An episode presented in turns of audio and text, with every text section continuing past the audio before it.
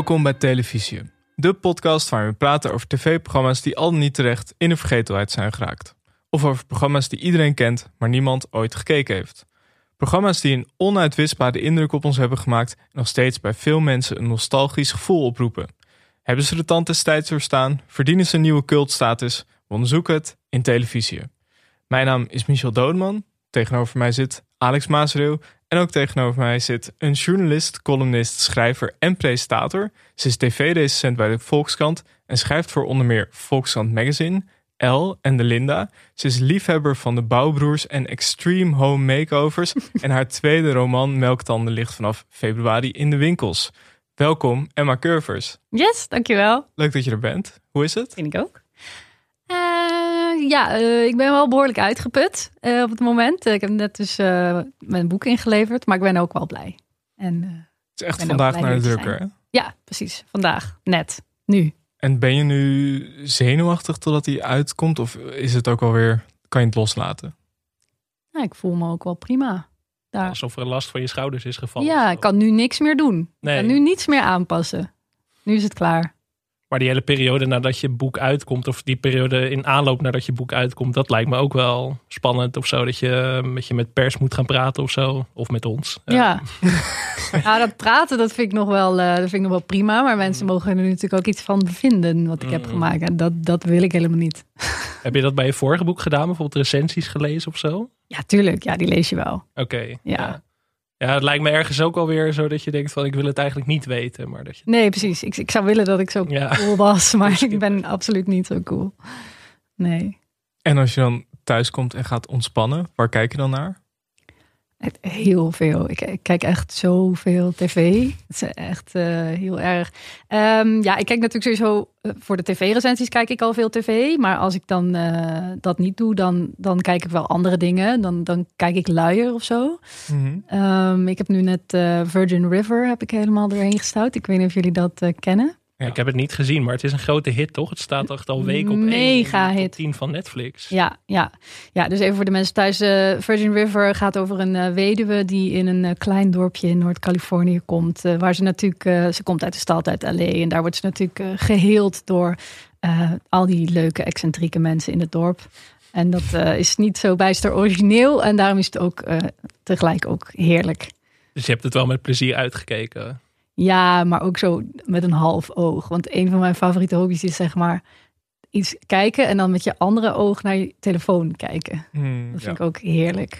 En uh, WandaVision ben ik nu aan het kijken. Ik weet niet of je dat ook... Uh, Zeker. Ja, ik heb het gezien. Ik weet niet ik of heb het niet gezien, hebt. maar ik heb er veel over gehoord. Het is de eerste echte Marvel-serie of zo, zeg maar. De, de Marvel-film, zeg maar. De Iron Man's en de Captain America's die nu naar het televisiescherm komen.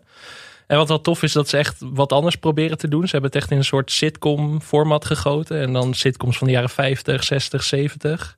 Ja. Uh, op Disney Plus. Ik vind het wel een aanrader. Maar het is uh, volgens mij ook uh, als je niet helemaal bekend bent met het Marvel-universum. Ik weet niet of dat voor jou geldt. Of, nee, ik ben nieuw in het Marvel-universum. Ja, maar ik ben tot nu toe echt heel aangenaam verrast. Ik vind het heel grappig hoe ze spelen met die jaren 50 vorm en die lachband. En ja, want het is bij Marvel wel vaak zo dat je echt... Eh, je kan in die films bijna nooit zeg maar blanco instappen. Want dan mis je alweer twintig films die daarvoor zijn gekomen. Maar oh. ze hebben dat hier wel redelijk goed opgelost volgens mij. Door het echt in een soort ander format te gieten. Dus... Uh, Nee, dat vind ik ook leuk. Het bevalt goed in het Marvel-universum. Ja, ik vind het tot mijn verrassing leuk. Maar het is ook wel heel anders, geloof ik, dan mhm. veel andere Marvel-dingen. Uh, dus uh, dat het echt begint met een, een, huisje, met een gezinnetje. En, en in zo'n All-American uh, buurtje. En mm. tenminste, ik, dat is niet wat ik geloof. Ja, precies. En Catherine Haan zit erin. Dat vind ik wel echt, die vind ik echt altijd goed. Ja. Maar ja, leuk. Nee, ga je er nog wat over schrijven? Of misschien? Misschien.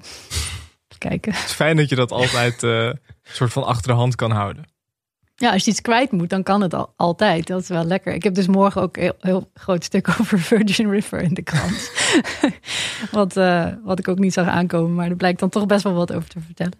Ja, we gaan het vandaag over iets heel anders hebben, waar je ook uh, graag naar kijkt, namelijk interieur tv en yes. uh, ja, ik wilde zeggen meubelprogramma's, ja, woonprogramma's. Ja, ja. Voordat we het daarover gaan hebben, eerst nog even een huishoudelijke mededeling. We hebben meerdere nieuwe vrienden, vrienden van de show. Namelijk uh, Karin, Xantios, Koen en Peter. Welkom, nieuwe vrienden van de show. En we hebben een winnaar van de winactie. Uh, we hebben geloot en dat is... Kan je hier een trom, trom, tromroffeltje omzetten? Sandor, Sandor Saitos. Gefeliciteerd. We nemen contact met je op. Gefeliciteerd Sandor. Yes. Gefeliciteerd Sandor. Gegund. Ja als, als, als een van de vrienden van de show. Misschien wel een van de trouwste vrienden van de show ook. Wat gebeurt er? Oh, of ik een beetje later mag. Oh, wilde ik heel subtiel Oh, mag, aanpakken. je, mag je gewoon zeggen hoor. We kunnen ook een fles pakken als dat makkelijk Oh, nou ja, het gewoon een beetje zo inschenken. Het is juist leuk. Het is een beetje... eh, Oh, beetje dark. oh Ja. oké. Dan gaan we ondertussen, terwijl Emma een slokje water neemt, gaan we even luisteren naar eh, een stukje uit. Een van de programma's waar we het over gaan hebben. Kopen zonder kijken. Deze week doen Magda en Ronald het onvoorstelbare. Zij gaan kopen zonder kijken. Door het zetten van één simpele handtekening bij notaris Sandra Viveen... geven ze makelaar Alex van Keulen en bouwdeskundige Bob Sikkes al hun geld... om voor hen een huis te kopen en te verbouwen zonder dat ze het van tevoren zien. Druk, druk, druk, druk. Spannend, allemaal spannende dingen. En dan dit nog. Een beetje een truttig huis, hè? Als ik eerlijk ben. Ja, kijk eens even. Ja, kopen zonder kijken. We hebben gekeken naar een de laatste aflevering uit seizoen 3 van, eh, van dit jaar. Het gaat over, eh, hoe zou jij kopen zonder kijken omschrijven voor mensen die het niet kennen? Ehm, mensen die het niet meer zien zitten op de woningmarkt of daar anderszins eh, verzuipen, worden uitgebuit door dit programma. Nee, eh, die, die, laten, die- leggen hun lot in het handen van de makers van dit programma. En, en zij ma- kopen dan een huis eh, namens die eh, arme mensen. En dan krijgen ze dus dat huis. en dan wordt er vaak ook nog verbouwd. want het is natuurlijk nooit meteen het goede huis. En dan zijn ze aan het eind zielsgelukkig met het nieuwe huis. Wat ingericht wordt door Roos en verbouwd is door, door Bob. Ja, ja door het team van Martijn Krabbe en dus aannemer Bob. En, of nee, bouwspecialist Bob, styliste Roos en makelaar Alex. En eh, het, het verloopt eigenlijk altijd via een vast format.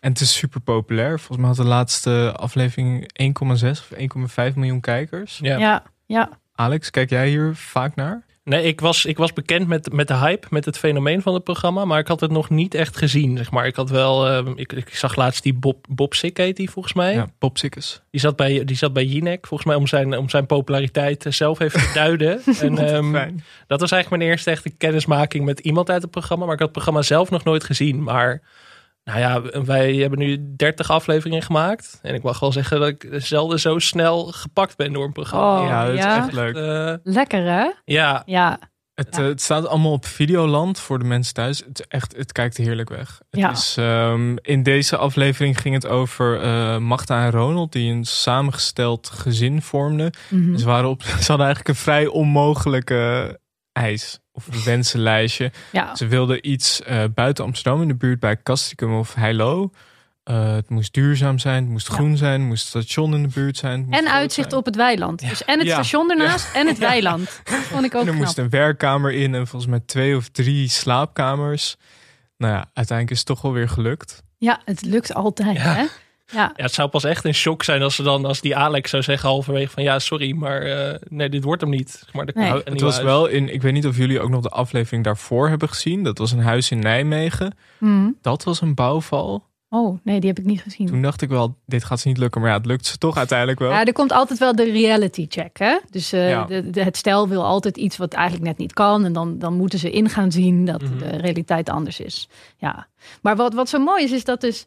Je hebt en het verbouwingselement in dit programma... wat natuurlijk altijd al geweldig voer is voor televisieprogramma's. Een, een huis wat een bouwval is en dan heel Ja. wordt opgeknapt. Maar wat ik ook heel erg voel, is, is die nood van die mensen van... Ze hebben allemaal al bod uitgebracht op een huis en het lukt niet. En ze voelen zich helemaal verloren in die, in die overspannen woningmarkt. En, dan, en dat je dan zoiets groots als het kopen van een huis over moet laten aan iemand anders. Ja, is toch wel een van de waanzinnigste dingen die ooit in een reality show... Kijk, We hebben zoveel dingen met mensen uitgehaald al in, in naam der reality. Dit is wel een van de heftigste, denk ik. Ja, je kunt je ook niet voorstellen. Zou jij het überhaupt ooit overwegen om dit, om dit te doen? Zeg maar het uit Nee. handen geven helemaal? Nee. Nee, natuurlijk niet. Nee, want het is wel, eh, want ze, hebben, ze kopen een huis voor vijf ton, geloof ik, of zo. En dat geven dan maar gewoon even uit handen. Dan ik zou dat echt nooit durven. Ja, en het is dan ook wel dat Bob je gewoon vanuit zijn auto belt en dan zegt: Ja, jongens, eh, we hebben 20.000 extra nodig. En dan moet je ook maar zeggen: Ja, oké. Tuurlijk, Bob. is goed. Hebben Ja, is we. goed, Bob. Ja. Geen probleem. Vond Ja. ik ook vrij frappant, inderdaad. Ja, maar- zeggen van, oh ja, dat hebben we wel. Ja, maar dan hebben ze altijd hun huis net verkocht met, met toch meer overwaarde, toch? En dan eh, zeggen ze, oké Bob, eh, als jij het zegt. En dan... Maar kijk, jullie zeggen wel: Je zou dat nooit doen. Maar het wordt wel altijd echt mooi. Toch? Mm, eh, Het is het Ja. altijd wel waard, toch? uiteindelijk. En ik denk ook altijd wel, als je die huis ziet, denk je: Het is wel echt een stuk meer waard geworden. Ja, nee, waarschijnlijk zijn die mensen niet, eh, niet slecht af met dat programma. Dat, dat denk ik ook niet. Het moet wel je smaak een, een beetje zijn, hè? Dus de, Smaak van eh stylist de Roos. de smaak van styliste Roos. Al vind ik dat Magda en Ronald best een huis met wat karakter hebben, hebben gekregen. Omdat ze zelf ook wel wat leuke dingetjes hadden. mhm. Ehm, maar het moet wel je, je ding zijn. Die, die, die, ja, toch, we moeten het toch even noemen, jongens. De zwarte aluminiumpui. De, de waskommen op een houten ding in de badkamer. Je krijgt de zwarte altijd een uitbouw. Of De uitbouw. De uitbouw. Het kookeiland. Ja, het is een programma. Martijn Krabbe noemt het de bingo kaart, toch? Eh, Ja. Ik zag ook, er zijn al twee nieuwe seizoenen aangekondigd. En Martijn Krabbe zei dat hij wat, eh, toch wat meer vernieuwing wilde. Of wat meer spanning in het programma. Dus eh, Ja, ik dat zag er ook een nieuwe bingo kaart komt. Met, Ik zag eh, ook een nieuwe, tips. volgens mij was dat van Libelle of zo. Die hadden ook een bingo kaart gemaakt. Met bijvoorbeeld Bob klopt twee maal op een muurtje terwijl hij deze gaat eruit zegt. Eh, ja, een van de deelnemers vindt het nieuwe huis, huis wel een beetje klein. Alex geeft de deelnemers een lezing over hun te hoge eisen. Dat zie je eigenlijk Ja. altijd. eh, iemand laat het woord authentieke details vallen. Ja, Dat soort dingen zie je. Maar het is ook eigenlijk altijd. Je ziet altijd eerst die zoektocht. Dan zie je de deelnemers soort van zuchtend bij Funda. Soort van. oh, het lukt niet. Het lukt allemaal niet. En dan, Ja. dan tekenen ze bij de notaris. Dan komt Martijn langs. Dan komt Alex die gaat zoeken. Dan heb je de puzzelrit. Een onderdeel dat ik niet helemaal snap. Maar dat is marteling, toch? Ja, dat kan je toch niet maken, Ja. joh? Mensen zo... Ja, maar deze mensen werden ook heen en weer geslingerd van Heilo naar Castricum. En dan moesten ze daar een bouwval bekijken. En dan misschien was dat huis het wel, inderdaad. Dat Ja, ging ook maar door. Voor de mensen Ja. die het niet hebben gezien. De puzzelrit is. Ze krijgen een eh, route aangewezen. En eh, daar zijn allemaal huizen die te koop staan. En een van die huizen is hun huis. is hun nieuwe huis. Dus het ja. kan zijn dat ze langs een huis komen en zeggen: Oh, dit is prachtig. Ik hoop dat we hier. En dan moeten ze naar een ander huis. Ja, en dan rijden ze altijd langs het huis dat het is geworden. Of nog erger zeggen, oh, dat is wel een beetje een lelijke hut. Dat kan ook. Ja, of dan is uiteindelijk de onthulling daar. En dan is het zo, oh, ik hoop echt dat dit huis het is. En dan staan ze voor een ander huis. Dat, die, die Ja, dat ja, ja. vind ik wel heel mooi eigenlijk. Ja. Maar ja, de mensen die in deze aflevering, ik ben even de naam kwijt, Magda en. Ronald. Die, eh, die waren ook wel echt veel eisend. Zeg maar. Dan kwamen ze weer bij een nieuw huis en dan was het ja, klein tuintje of eh, drukke weg. Het was, ze hadden wel echt overal wat op aan te merken. En dat, Ja, Ja, maar dat vind ik wel goed aan dit programma. Dat het eigenlijk ook een soort van de onmogelijkheid van de zoektocht voor sommige mensen laat zien. Want ik denk dat als je Magda en Ronald zelf al door laat zoeken, dat ze misschien wel nooit verhuisd waren. Of tenminste niet in de komende jaren. Omdat ze gewoon zoveel eisen hadden. ja, gescheiden uiteindelijk, denk ik. Ja. ja. en ik Maar vond het een... Oh, Het, is, het is toch ook gewoon een programma dat eigenlijk bestaat bij de gratie van een totaal overspannen woningmarkt. Ja. Anders zouden mensen dit toch nooit doen. Nee, Het is zo heftig. Ik kan me echt geen rationeel scenario voorstellen... waarin je dit uit handen zou geven aan Martijn Krabbe en Bob, Bob Sikke. Dat, Nou, ik zat wel te denken aan. Je had vroeger natuurlijk, dat vond ik zelf altijd heel leuk om te kijken. In Holland staat een huis van Martijn Krabbe. ja. Yes, ik hoopte al dat je hierover zou beginnen. Dat vond ik nou, dat vond ik nog misschien wel erger. Dat je je hele, zeg maar, je hele interieur aan de buren overlaat. Ja. Die er ook geen verstand van hebben. Ja. ja, waarom deden mensen dat? Geen, ja, toch, toch, het was toch een soort van evenement of zo. Volgens mij, het was wel altijd een heel, heel gebeuren, een hele happening. Ik denk dat mensen Ja. zich toen nog, toen, in die tijd, op een andere manier verveelden dan nu. En Oh, toch dachten, eh, ja. Ik ga Hoezo dan? hele- nou ja, volgens mij, ik kan me nu niet voorstellen. Kijk, nu zit je de hele dag thuis. mhm. Ik kan me niet voorstellen dat je nu je hele eh, interieur aan je buren overlaat. Maar misschien dat het toen in die tijd. Het waren wel altijd volgens mij mensen die zoiets hadden van. Ja, we gaan het gewoon lekker doen. En we willen gewoon wat anders. En eh, lekker gek. ja. Ja, ik kan me nog een, een uitzending herinneren. Daar hadden de buren dan saloondeuren in de woonkamer gemaakt. En dan hooi op de vloer. Weet jullie dit nog? En die mensen kwamen ook echt binnen. Zo, die onthullings, dat onthullingsmoment viel toch wat... eh, Volgens mij Tegen. hebben ze wel een keer een huis, dat was geloof ik helemaal paars geverfd. Dat he- hebben ze toen echt bij de productie wel over moeten verven, omdat dat het gewoon niet kon. oh. Maar ook huizen die soms een soort iglo waren geworden of zo. Met ijsberen behang en dat het helemaal wit was en zo. Dat je toch denkt van... Ja, dat vind ik nog wel echt een stuk erger, want hier geef je het ook wel uit handen, maar dan is het wel echt aan professionals. Mm. En daar gaf je het uit handen aan je buren en dan was je gewoon maanden bezig met puinruimen. Ja, Eigenlijk zouden ze daar nu een soort van programma over moeten maken van hoe gaat het nu met dat Ja. interieur van die mensen. Ja, en met die buren. Is dat ooit nog goed gekomen? ja. Die zijn dat nu allemaal deelnemers van de rijdende rechter geworden, zou ik Ja. me afvragen. Maar ja, dat is wel echt de moeder aller, aller interieurprogramma's. Of wat, hoe noemde jij het net, meubelprogramma's. ja, dat is niet helemaal... Ik zou zeggen makeover shows, toch? Makeover programma's. Het Ja. gaat echt altijd om de transformatie. En, en dat, dat is tenminste waar ik voor kijk. Ik, je hebt ook wel van die eh, babbelprogramma's op RTL 4 met, met dat ze gaan winkelen in de meubelwinkel of zo. Maar dat, dat is dit dan ook weer niet. Ja, Ik zoals eh, Paleis voor een prikkie of zo. ja, Eh, gaan we het zo ook nog even over hebben. Ook transformatie. ja, dat is ook wel waar, ja. Ah. Ik, ik vind wel echt, Martijn Krabbe is echt de koning in, hierin. Maar Ja. waarom is Ja. hij zo goed hierin? Dat vraag ik me af. Ik kan er de vinger Ik niet weet het niet. Het is gewoon een hele leuke baan. Ik zou. eh, Hij hoeft ook niet zoveel te doen. Hij komt gewoon drie keer langs. Hij komt één keer langs Ja. om te vragen van... hé, hey, eh, waarom wil je eigenlijk verhuizen? Dan komt hij halverwege langs met een taart om ze zogenaamd te verrassen. Dat Ja. vond ik ook een heel erg fijn momentje. Dat hij, hij kwam aan met een taart, zeg maar. En dan was het zo, hij is jarig. Dus hoe, het is niet... Maar die reactie van die mensen dat ze een nieuw huis hadden... vond ik niet helemaal authentiek. Ze staat echt zo, jee. ja, dat, Ja, maar het is geen verrassing. sneu. zagen dat- het dat niet hij- aankomen. Ja, maar het is geen verrassing dat hij dit wel altijd goed doet. Hij heeft wel altijd een beetje Hij moet ook nooit iets anders doen. Vind Ja. ik Zoals, zoals John Williams geknipt is voor eh Help Mijn Mans Klusser, is Martijn Krabbe geknipt voor dit soort programma's. Ja. Ja, je wil hem ook niet in een andere rol zien. Of tenminste, ik wil dat eigenlijk niet. Ik wil Nee. hem gewoon...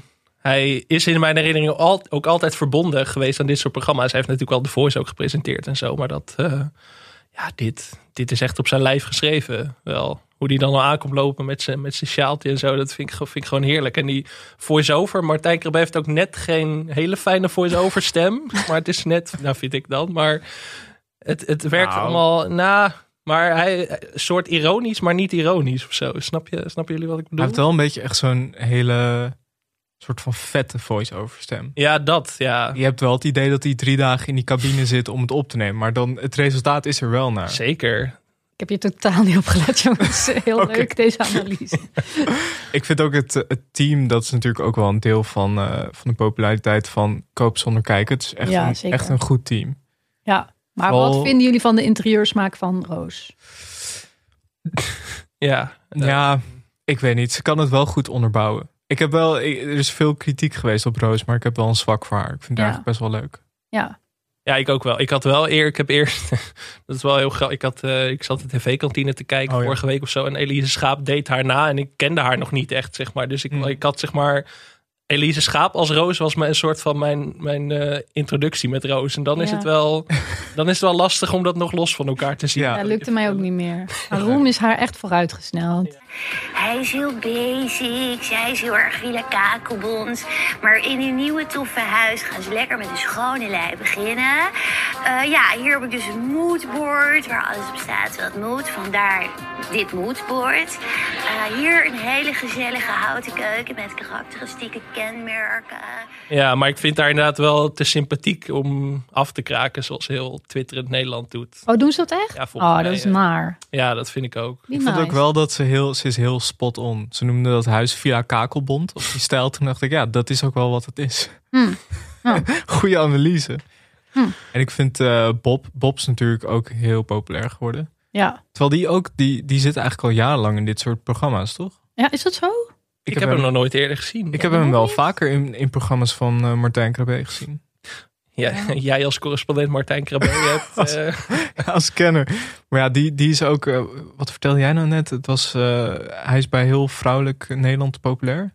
Kennelijk. Was dat? ja, dat las ik ergens. Ik weet, ik weet niet op welke heb er ook wel iets journalistieke over gehoord. topsite ik dat gelezen heb. Maar hij kreeg heel veel brieven of e-mails. Of brieven, ehm, berichtjes van vrouwen die vroegen of hij nog vrijgezel was. Maar bleek eh, En of je die tent daar kwam verbouwen. dat... kun je afvragen in wat voor zin. Maar hij was heel, heel geliefd ineens. Dus ik weet niet of hij al echt bekend was van programma's daarvoor. Want, want die hype is echt dit jaar pas ontstaan voor mijn gevoel. Hm, Dat het Ja. een fenomeen werd. Misschien door, door corona of zo. Maar eh, ik had hem nog niet eerder gezien eigenlijk. Maar ik vond hem wel...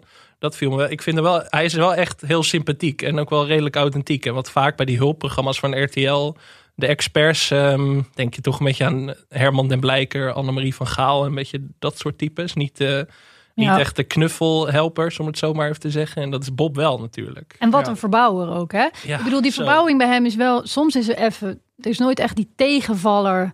eh, en echt die wanhoop die mensen vaak hebben... die echt iets verbouwen. Bij, bij Bob gaat alles toch wel... eh, heel geordend en, eh, het wordt toch op tijd afgeleverd. Je denkt even, nou, het wordt krap. Nee, toch is alles af en eh, het ziet er weer piekfijn uit. Het is echt een geoliede machine ook gewoon. Dat hele, hele programma, van makelaar tot roos, zeg maar, dat, dat gaat echt fantastisch. Ja, want het is altijd. eh, de Alex, die makelaar, zegt: Ja, jullie eisen wel iets te hoog. Je moet een beetje inbinden. Dan komt Bob, die gaat met het budget aan de haal. Die, dan, dan zijn je verwachtingen wat lager. En dan komt Bob, zeg maar, die het wel weer een beetje allemaal wat beter maakt. En dan is Roos weer een beetje voor de, voor de finishing touch. Ja, ja, hele klassieke opbouw inderdaad. Zo, oeh, het, het probleem en dan hup. ja, aan het einde toch eh, happy end. Altijd een happy end.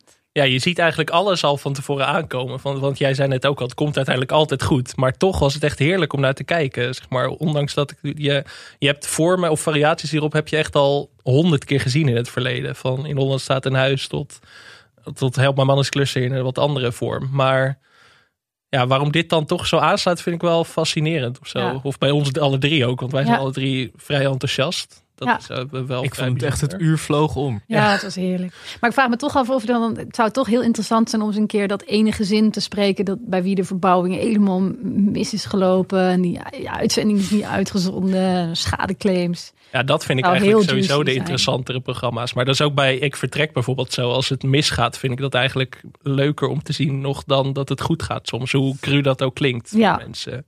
Ja, maar ik denk wel dat het verschil is dat bij Ik Vertrek heb je echt alleen het stel. En Ja, dat is het. Zeg maar, en hier heb je natuurlijk het hele team. Dus ik denk dat er een hele rare dynamiek wordt als, als het fout gaat. Want meestal bij Ik Vertrek, als het fout gaat, dan zijn ze boos op zichzelf. Hmm. En hier zouden ze dan boos moeten zijn, omdat zij natuurlijk, ja, ze geeft het uit handen. Dus dan zouden ze boos moeten worden op Pop en Martijn. En dat zou eigenlijk een beetje gek zijn, toch? Nee, dat zou niet uitgezonden worden. Ik bedoel meer dat er een, Mm. keer, een keer een gezin eh, opstaat Ja. en zegt wij, eh, wij zijn ontevreden. Er was één keer een gezin die waren ontevreden, toch? Dat hun eh, zolder niet goed verbouwd was. Waren ja, ja, er zijn wel ondankbare. Ja, er zijn ondankbare lui bij. Maar dat hou je altijd. Het is ook wel lastig. Zeg maar, als het, zeg maar, je, het wordt aan je onthuld en je vindt het gewoon niet zo leuk. En dan moet je toch net doen alsof je het leuk vindt. Een beetje hetzelfde als je een cadeau krijgt voor je verjaardag. Waarvan je denkt, oh, de- hmm, dit- hier ben ik niet zo blij mee of zo. Dat je dan toch een beetje altijd fijn alsof je er heel blij mee moet zijn. Ja. Dat zullen heel veel mensen wel hebben in dit programma, toch? Je moet huilen.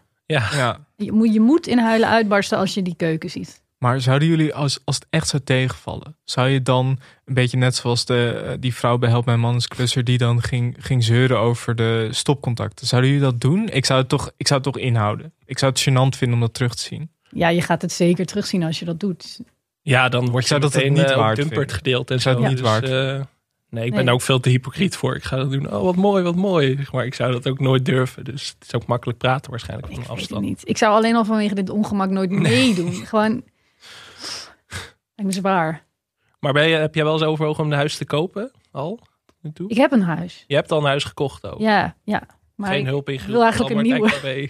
Ja. Ja, dus ik voel die struggle wel heel erg van, van, die, van die woningmarkt. En het is zo vreed allemaal. Je, hebt het gevoel, ik kom er niet tussen. En eh, spelen allemaal hele grote eh, krachten. En, en, en ja, dus ik, ik voel het leed van deze mensen heel erg. Mhm. En dan heb je Ja. ook nog een hele wensenlijst natuurlijk. Ja, eh, absoluut. Vijf Net zo lang als, drie eh, werkkamers. Ja, Ja. zeker. Zeker, ja. ja.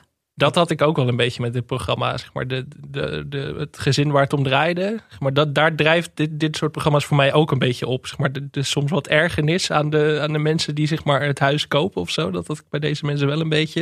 Ging eigenlijk al mis omdat... Ik ben weer vergeten hoe de man heet. Ronald, Ronald. Giel in een van de eerste scènes. In een van de eerste scènes zat hij achter een stations, stationspiano. Dat ik denk, dat, oef, ja, daar win je mijn sympathie niet mee. Dat, eh, Nee. dat heb ik altijd een beetje bij dit soort programma's. Ik moet me ook een, be- een beetje kunnen ergeren. Net genoeg, zeg maar, om het niet, eh, niet storend te maken. Maar ik weet niet hoe dat voor jullie zat. Ja, ik vind het altijd wel fijn. eh, Die onrealistische eisen vind ik altijd wel fijn. Dat je wel voor de tv zit en dat je denkt, god, ja, nee, dat kan niet. Dat kan niet. Nee, Wat dit wil je nou? Dat zien jullie toch zelf ook. Ja, je moet ja. als kijker zelf de, de wijze kunnen zijn. Die, zou- die ik dan zou- al weet. Ik zou het niet fijn vinden als ze zouden zeggen, hier heb je vijf ton. Maakt ons niet zoveel uit. Ja, Nee. Nee, maar dat zou ik helemaal geen leuk programma opleveren. Nee, maar die mensen doen fijn. natuurlijk ook niet mee. nee. Dat is, eh, dat is wel het geniale van dit programma. En ze zijn ook niet voor niet zo ongelukkig. Omdat ze eh, die grote eisenlijst hebben. En, en dat kan dus niet. Nee. Nee, dat gaat ook gewoon nooit lukken dan inderdaad. Maar dat, ja, Maar uiteindelijk toch wel. Hun droom komt uit.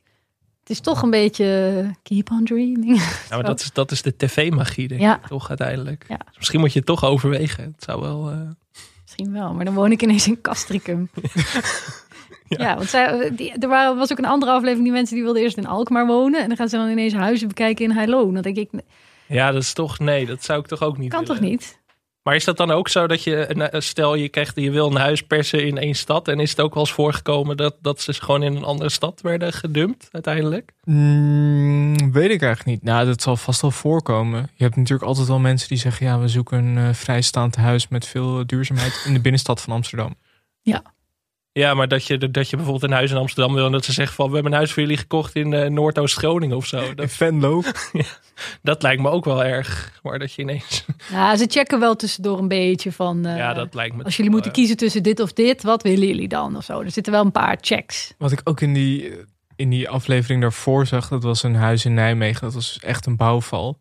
Eh, maar dat stel, die hadden eigenlijk een beetje vals gespeeld. Of tenminste, dat mocht niet. Maar ze gingen langs het huis rijden. Toen kwamen ze erachter dat er bij de buren gedrumd werd. En dat je dat door de hele straat hoorde. Nee. Oh. Maar toen hebben ze het. Het was eigenlijk goed dat ze dat eh, zagen, want toen is het nog wel helemaal goed geïsoleerd. Maar ik dacht, oh, je zou maar, je zou maar net gewoon je vier ton of wat is het uit handen hebben gegeven. En dan kom je erachter Mm. dat je buurjongen drumt. Ja, dan kun je alleen die buren nog maar wegpesten. Ja. Dat is de enige optie.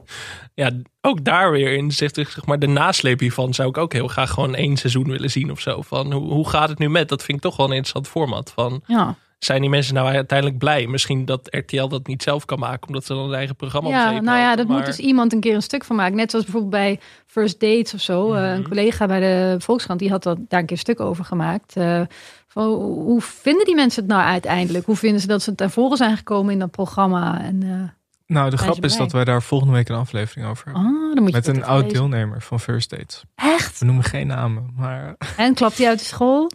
weten we nog niet. We gaan volgende week opnemen. Oh.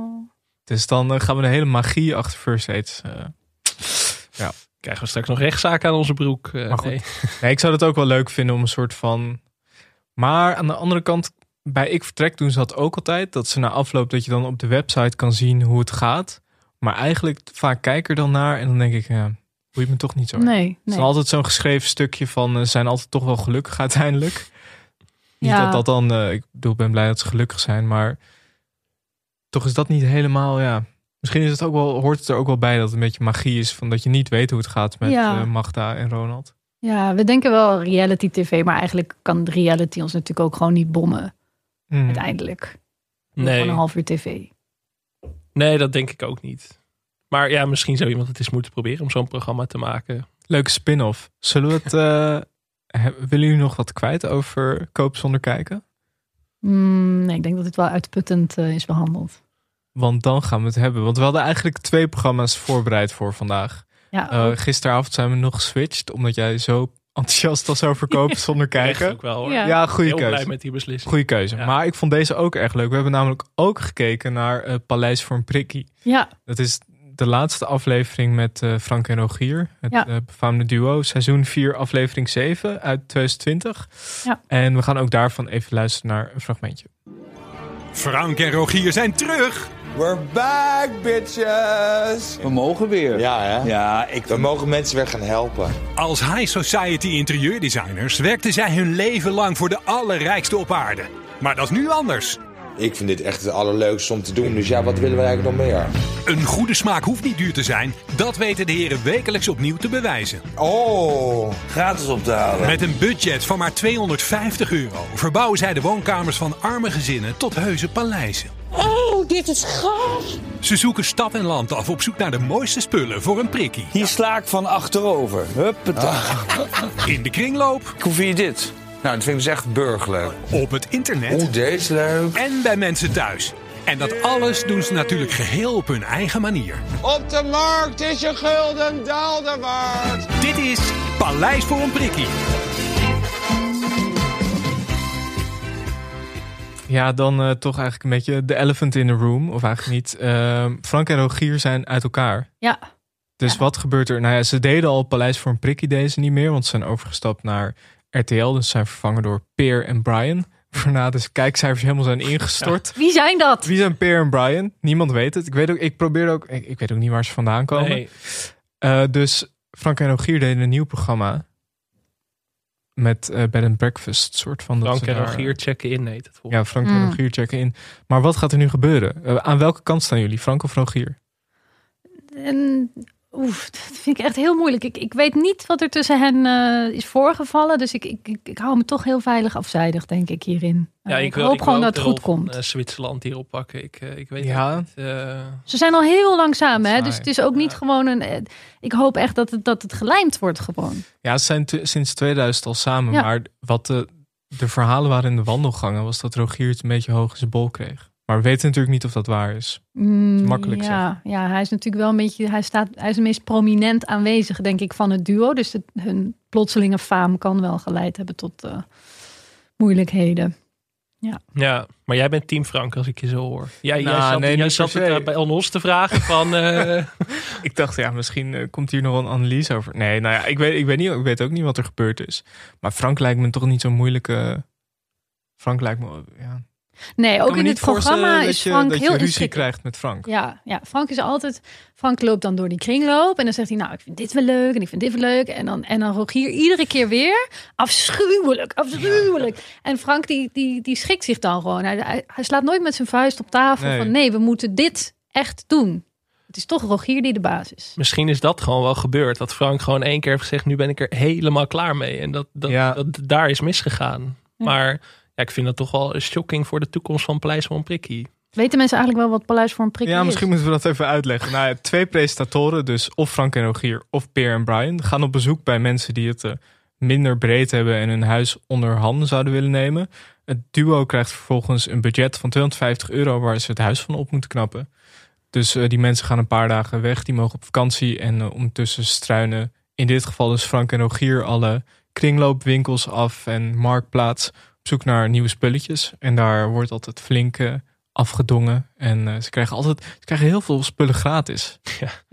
Ja, dat echt voor 250 euro zou het ook nooit lukken. Want we zien ook twee klusjesmannen druk aan de slag. Ja, en die zijn ja. aan het verven. Zo, die hoeven kennelijk ook niet betaald worden. Nee. Eh, ze krijgen heel veel shit gratis. Maar het lukt, het lukt wel altijd. En het is, het is ook hartverwarmend. Hè? Dat, dat die mensen dan een heel fijn, eh, fijn huisje hebben. Ik vind het altijd zo leuk bij dit programma dat ze komen altijd langs met die camera erop en niemand durft meer nee te zeggen. Het is dan altijd van, dan, zeg, dan, dan is het van, nou ja, de, de prijs 85 euro of zo. En dan zegt Frank van, eh, 30. kan het voor minder? En dan is dat het zo, eh, ja, doe maar. Ja, Oké. goed, ja. Ik ga niet die imago-schade leiden op tv. Oh. Nee, er was volgens mij in die aflevering die wij gekeken hebben... was er wel een, Ja, een er kringloop. was een heel ingewikkeld verhaal van, Nee. nee, dat kan niet, want de- deze spullen zijn niet van ons. Ja, ja gewoon, eh, hoezo? Jij bent van de tv. Kan Ja. je gewoon niet schelen. Vind ik ergens ook wel weer mooi. Dat je gewoon standvastig bent en je niet Ja. druk maakt over imago-schade. Er Ja. was ook die woonwinkel slash brasserie. Oh ja, ja. Ja. Wat? eh, dus dan zat je gewoon op een stoel en dan kwam Frank langs en die zei: Mag ik even naar die stoel kijken? Ja, en dan werd die die stoel stoel. gewoon onder je vandaan gekopt. Die Wat werd een gewoon- bizar concept, hè? Maar het werkte wel. Het zat hartstikke vol en iedereen was blij. Ja. Maar als ik dan trouwens, want Paleis voor een prikkie, eigenlijk net als bij eh, Kopen zonder kijken, het zijn hele standaard eh makeover-programma's eigenlijk allebei.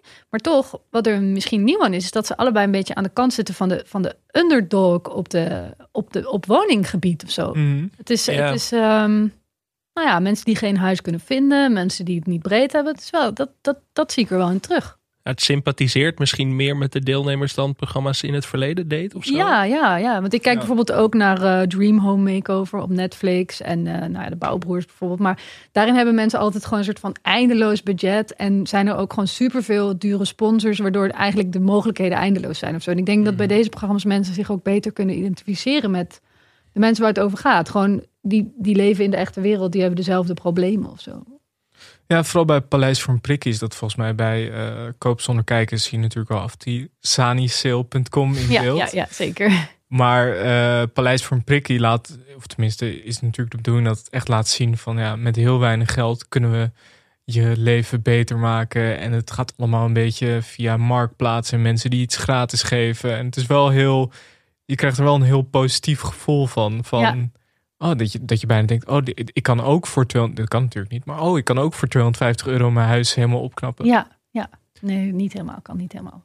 En met aandacht. Hè. Het is ook natuurlijk heel... Het is eigenlijk een beetje... Ja, wat hard, ja, hartverwarmend, zei ik al. En goed voor de kringloopwinkel ook, toch? Dat is ook Ja. niet, niet vanzelfsprekend dat ze daarheen gaan. Dat, ik weet niet of dat eerder is geprobeerd op tv. Hoe zou ze het anders moeten doen? Ja, niet, nee, maar ik bedoel gewoon in het algemeen, zeg maar. Dat, dat de Oh, kringloopwinkel in plaats van de, alle gesponsorde segmenten Ja, van... normaal Ja. is het altijd zo'n bruinzeel Ja. eh, winkel. En dan komt Martijn Krabbe binnen op die glimmende vloer. En dan is dat, nou, voor jou kan ik wel een prijsje maken. Ja, ja, ja. Met als extreemste voorbeeld natuurlijk eh, Extreme Home Makeover. Ik weet niet of jullie dat wel eens gekeken Ja. hebben. Dat is dat Amerikaanse programma waarin ze mensen die het echt eh, zwaar hebben gehad een nieuw huis geven. Maar dan, eerst was het nog een soort van verbouwingen. Maar daarna kwam er gewoon ineens een helemaal nieuw huis. En dan altijd van die bussen van Sears, zo'n meubelwinkel die dan voorkomen. Alles helemaal kapot gesponsord. Mhm. Dat, ja, ik weet niet. Dat was dan meer alsof ze de loterij wonnen eigenlijk. Ja, dan, dan, ja, dat vind ik dan toch minder leuk, denk ik. Of zo. Ik vind dit, dit kneuterige van Pleis van Prikkie vind ik juist wel wat hebben of zo. Ja. Dat ze dan echt met Ja. een afgrijzelijke bank van de kringloopwinkel weer terugkomen of zo. Dat ik denk van, dat, dat vind ik ook wel weer wat hebben of zo. Dat eh Ja. Help mijn man is klus, zo'n programma bijvoorbeeld. Dat, dat zet je toch een beetje op vaak tegen de, tegen de hoofdrolspelers. Mhm. Van, eh, ja, die man eh, dit en dat. En dit is gewoon, ja, deze mensen hebben het zwaar gehad door, door allerlei externe verschijnselen of zo. En daar kun je ook mee sympathiseren of wat empathie voor opbrengen of zo. Dat vind ik dan wel goed aan deze Ja. vorm van hulp tv misschien. Ja, ja. Zeker. Ik vind eh, trouwens de, de manier waarop Frank en Rogier ook hier op zijn gekomen. Ik vind het heel wonderlijk. Ze waren volgens mij eerst bekend van bij ons in de PC. Mhm. Daarna deden ze mee aan Steenrijk Straatarm. Ook natuurlijk wel zo'n soort van typisch SBS-programma. Wat ook wel een beetje voor de underdog eh, is. En toen, ik weet eigenlijk niet hoe dit tot stand is gekomen. Dat weet ik ook niet. Toen dachten ze opeens, we hebben deze twee mannen. Wat kunnen jullie doen?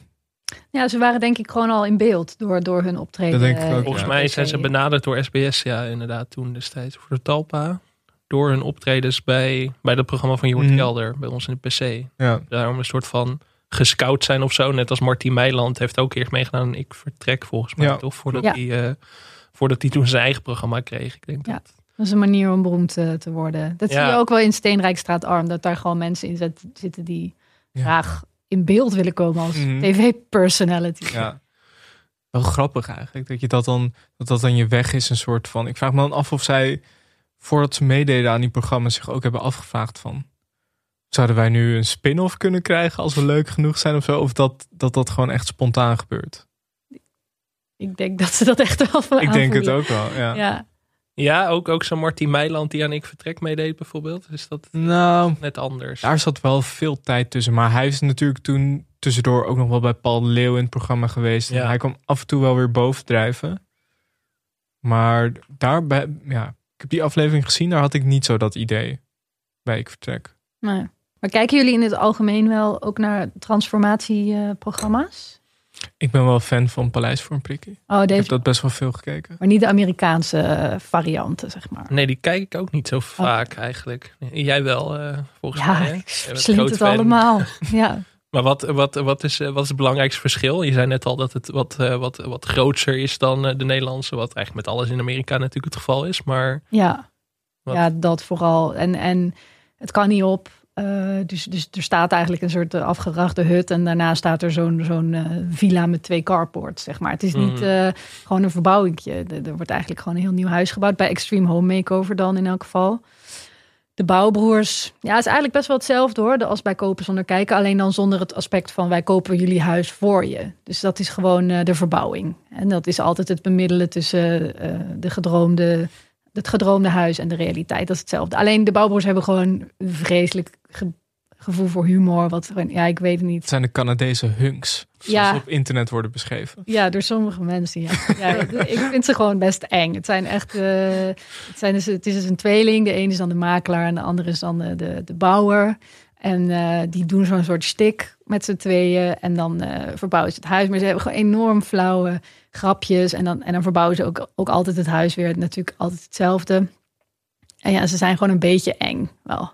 Ze zijn wel een beetje enge mannen, vind ik. De letterlijke beschrijving eh, toen ik dit opzocht was... Canadese huizenprogramma waarin de broers Drew en Jonathan Scott... spierkracht met intelligentie combineren. Oh, Kan je daarin vinden? Nee, dat heb ik nergens kunnen ontdekken, die intelligentie. sorry. Ja, ik ga er maar vanuit dat ze dit nooit eh, zullen horen. Anders, sorry, Drew en Jonathan. Maar eh, nee, nee het, gaat mij gewoon om, om de beelden, de voor- en nabeelden. Daar is het mij allemaal om te doen. Dus eh, we zien een, een dump en daarna zien we een shiny nieuw huis. De, de- gewoon die belofte van, van alles wordt beter, alles wordt mooier. Het kan, je kunt het. Voor jou ook is dit bereikbaar. Ja, dat is gewoon wat de kracht is. Die bouwboers moeten gewoon hun mond houden, verder bouwen. Dus het is ook inspirerend voor jou. Zeker, ja. Ja. Ja, ik, maar ik denk dat heel veel mensen ehm, geheel ten onrechte door dit soort programma's het idee hebben dat ze hun huis moeten verbouwen. Ik dacht zelf ook eigenlijk een beetje door dit soort programma's dat ik mijn badkamer kon verbouwen. Heb ik dus ook gedaan. Dus ik dacht, oh, ik ga heel veel zelf tegelen en zo. Ja. Nou, dat is echt een drama, jongen. En dat kwam echt door dit soort shows. Dat ik dat dacht, een soort van can-do mentaliteit kreeg. Mhm. Het kwam allemaal door Drew en Jonathan. En ik ging zo van die hele grote tegels aan de muur doen. En die, die dropen gewoon zo naar beneden. En ik zat gewoon echt te huilen in de badkamer. En ik dacht, Oh, echt, God. ik ben gewoon echt een slachtoffer van de tv. Ja. Heb je, dat, voelt het. heb je dat in deze tijd, zeg maar, in deze tijd dat er veel binnen zitten ook meer? Want ik heb wel het idee dat de, de huisprogramma's nu wat populairder zijn. Natuurlijk ook koop zonder kijken. Ja. Ja, ik denk zeker dat, eh, dat de coronatijd invloed heeft. Er is toch ook zo'n peiling geweest van, eh, van Funda in de zomer... dat mensen heel veel naar huizen op het platteland eh, gingen Ja. kijken en zo. Eh, volgens mij gingen ze nog niet ook direct die huizen echt kopen. Dus die, die trek naar het platteland had iedereen het over. Maar dat was nog niet aan de hand. Maar ehm, dromen van, dat doen mensen natuurlijk wel. En, en, en het is ook gebleken dat de woningmarkt natuurlijk nog net hetzelfde is eigenlijk. Net Ja. zo overspannen is eh, in de coronatijd. Ja, want ze hadden natuurlijk verwacht dat het eh, een beetje zou gaan klappen nu, maar dat is helemaal niet gebeurd. Nee. Nou, ik, ber- ik merk bij mij in de buurt wel dat heel veel mensen naar... Ik woon in Amsterdam. Dat heel veel mensen naar buiten de stad vertrekken. Dat die allemaal eh, thuis werken en die zitten de hele dag thuis. Ja, En dan denk ze opeens, oh, wat heb ik eigenlijk een kuthuis. ja, ja. Oh, ik. ik. Ik, haat het, maar ik ben dus ook precies die persoon. ik, ik pas gewoon in dat, helemaal in dat patroon. Ik, ja, Maar het is, ook, het is ook niet zo gek dat als je normaal eh, misschien vijf dagen per week eh, zeg maar buiten bent. Of ja, alleen s'avonds vooral thuis bent. Dat je dan sommige dingen niet zo opvallen. En dan, ja, als je de hele dag ook overdag thuis bent, denk je opeens ook, oh, wat heb ik eigenlijk een irritante buren. Ja, ja. Nou ja, vooral gewoon ruimtegebrek bij mij. Maar verder niks hoor. Hele lieve buren, love you. voordat je die achter je aankrijgt. Maar jij woont wel in Amsterdam, toch? Ja, ik woon in Amsterdam, ja. Maar je, hebt, je zou wel misschien weg willen. Ja, ik ben dus gewoon precies die persoon die nu de hele dag op fun naar zit te kijken. Zo. Maar Ja, zou, zou je dan ook naar eh, buiten Amsterdam en dan echt denken, ik wil het zelf aanpakken? zeg maar, Boerderijen in de Nee, Oost-Groningen. ik denk ook. dus wel dat dat leuk is, maar daar, daar kom ik waarschijnlijk heel hard van terug. Eh, ja, en dan meld ik me aan bij zo'n programma. Dat kan nooit halverwege. Hè? Alleen bij Help Mijn Man is Klusser kan dat. Ja, dat kan wel. Ook wel heel leuk als je John Williams ineens over de vloer krijgt. ja, maar ik denk dat RTL hier ongetwijfeld ook wel op gaat inspelen. Wat met wat voor format dan? Nou ja, met mensen die, eh, de mensen die zelf hun huis gingen verbouwen. En dan, maar dan misschien dat het niet helemaal helpt mijn mans klussen, maar dat het meer echt stellen zijn die gewoon hulp nodig hebben. Ja, Ja, of die cultuurclash ineens, of die zogenaamde cultuurclash tussen Randstad en provincie gewoon nog verder uitmelken. Dat mensen uit Amsterdam naar Friesland verhuizen. Ja. En dan, en dan heel ongelukkig. Ja. zijn. Nou, je hebt, je hebt natuurlijk ook veel van die programma's dat mensen dan een weekje in elkaars huis en dan zoeken ze altijd die contrasten op. Ja, Ja, dat had ook met kinderen vroeger. Ik ben even kwijt. puberuil. Ja, puberuil. Oh, ja. Ja. Dat was ook altijd, zochten ze heel erg de contrasten op. Mm, ja. Maar Maar dat format is nog steeds populair, toch? Dat is Steenrijkstra uh, Steenrijkstraatarm is dat Ja, ook precies ja. hetzelfde. Maar Ja. ja. misschien dat ze dan zoiets zouden doen van mensen die uit de grote stad met het hele gezin in een dorp met tien mensen gaan wonen of zo. En kijken wat dat doet voor de onderlinge dynamiek. Ja. ja, maar er moet niet vrijblijvend een ruil zijn. Dan moet ze ook meteen een Ja, huis moeten krijgen en alles verhuizen. ook, ja. Anders is het niet extreem genoeg. En dan moet het ook helemaal uit de hand lopen. Dat echt, eh, is een nieuwe standaard gezet door eh, koop zonder kijken. Je moet echt wel, je kan niet meer alleen maar ruilen. Nee. Je moet wel echt, je moet echt dat huis krijgen. nee, daar zijn we wel een beetje voorbij, denk ik, dat ruilen. Kennen jullie ook dat programma Location, Location, Location? Van Phil en Kirsty? Ja, Dat vind ik ook. Dat is dan wel weer van, van een tijdje geleden. En dat is dan wel iets minder extreem. Maar dan eh, heb je Phil en Kirsty, twee, twee makelaars. En dan gaan ze gewoon drie huizen uitzoeken. En daar mogen de eh, deelnemers dan uit kiezen. Het is Ja. eigenlijk helemaal niet extreem meer. Maar dat kijkt ook gewoon zo lekker weg. Omdat het ook heel fijn is om te kijken naar mensen die verstand hebben van huizen. Op de een of andere manier. ja, dat denk ik wel. Dat is ook wat zo'n Bob Sikker zo'n fenomeen maakt uiteindelijk, toch? Dat je gewoon graag naar zo iemand En gewoon kijkt. dat die autoriteit Ja. uitstraalt. ja, ja. Dat wordt herhaald op Nederland 1, denk ik soms. Hè? Dat location, location. Eh, volgens mij RTL of SBS. Het wordt wel echt al tien jaar herhaald. ja, ja. Eindeloos eigenlijk. Ja, ja, er zijn eindeloos veel van dit soort programma's. Je hebt ook de Million Dollar View.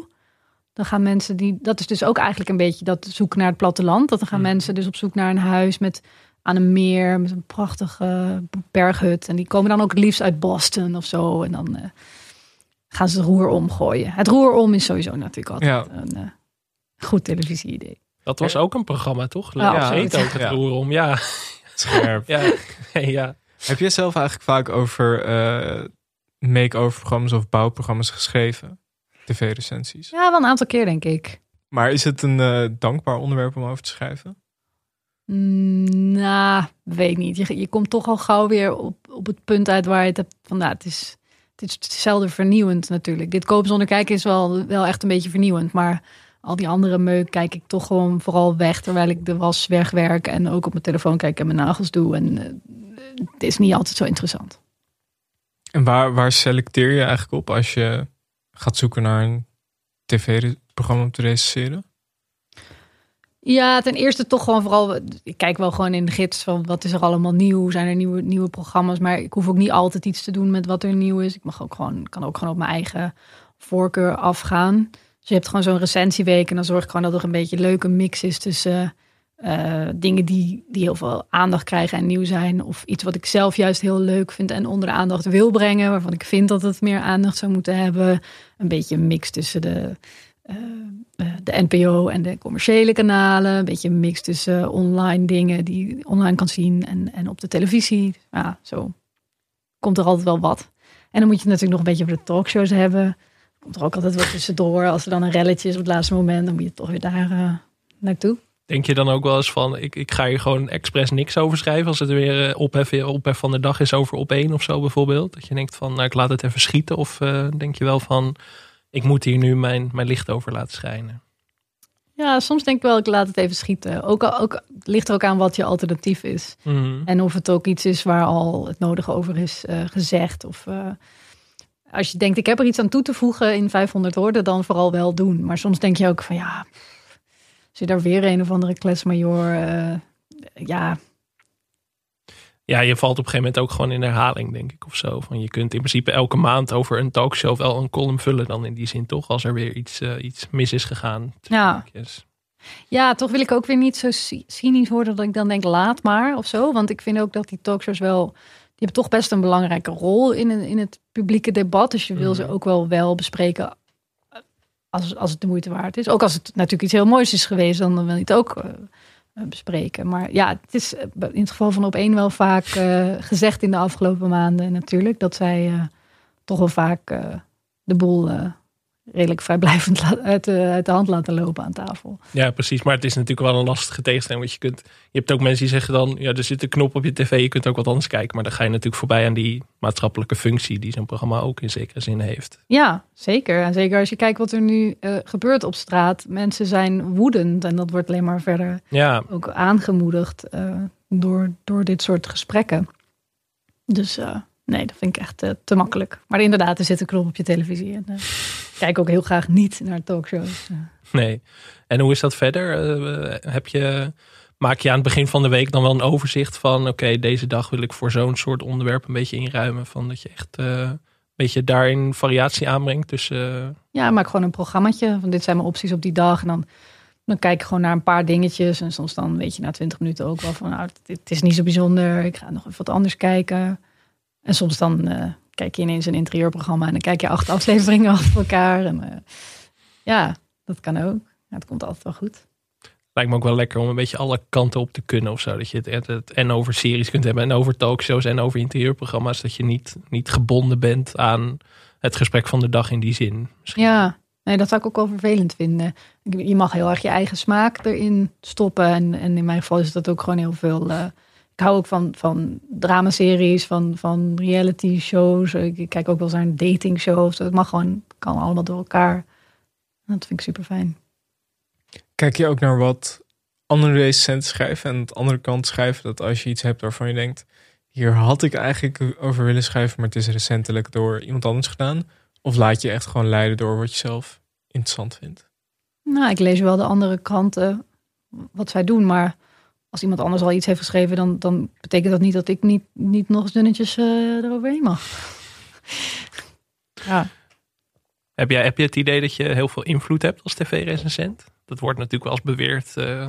Nee, nee, je bent gewoon je bent onderdeel van een dagelijks gesprek. Mhm. En dat vind, ik, dat vind ik een hele leuke rol om te hebben. Je krijgt wel veel reacties en, en mensen die, die dan ook weer iets vinden en zo. Maar ik, ik vorm, als ik veel invloed zou hebben, dan zouden mensen overnemen wat ik vind of zo. Dat, nee, dat doen ze volgens mij niet. Je kunt soms wel iets in gang zetten natuurlijk. Ik had ehm, een keer een uh, recensie geschreven over een format van Gerard Joling wat uh, gemaakt zou worden.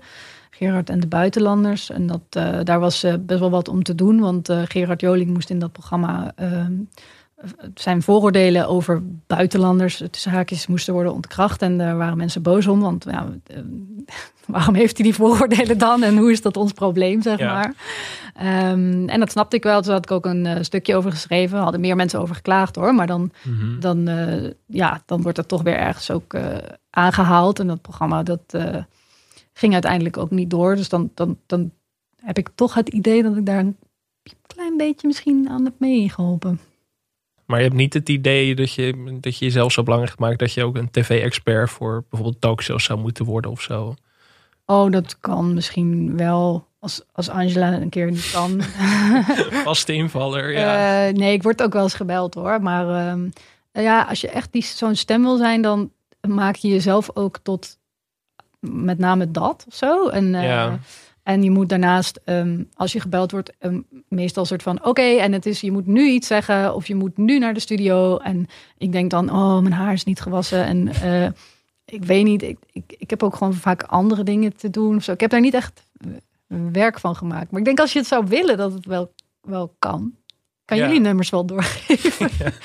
Zo, nou.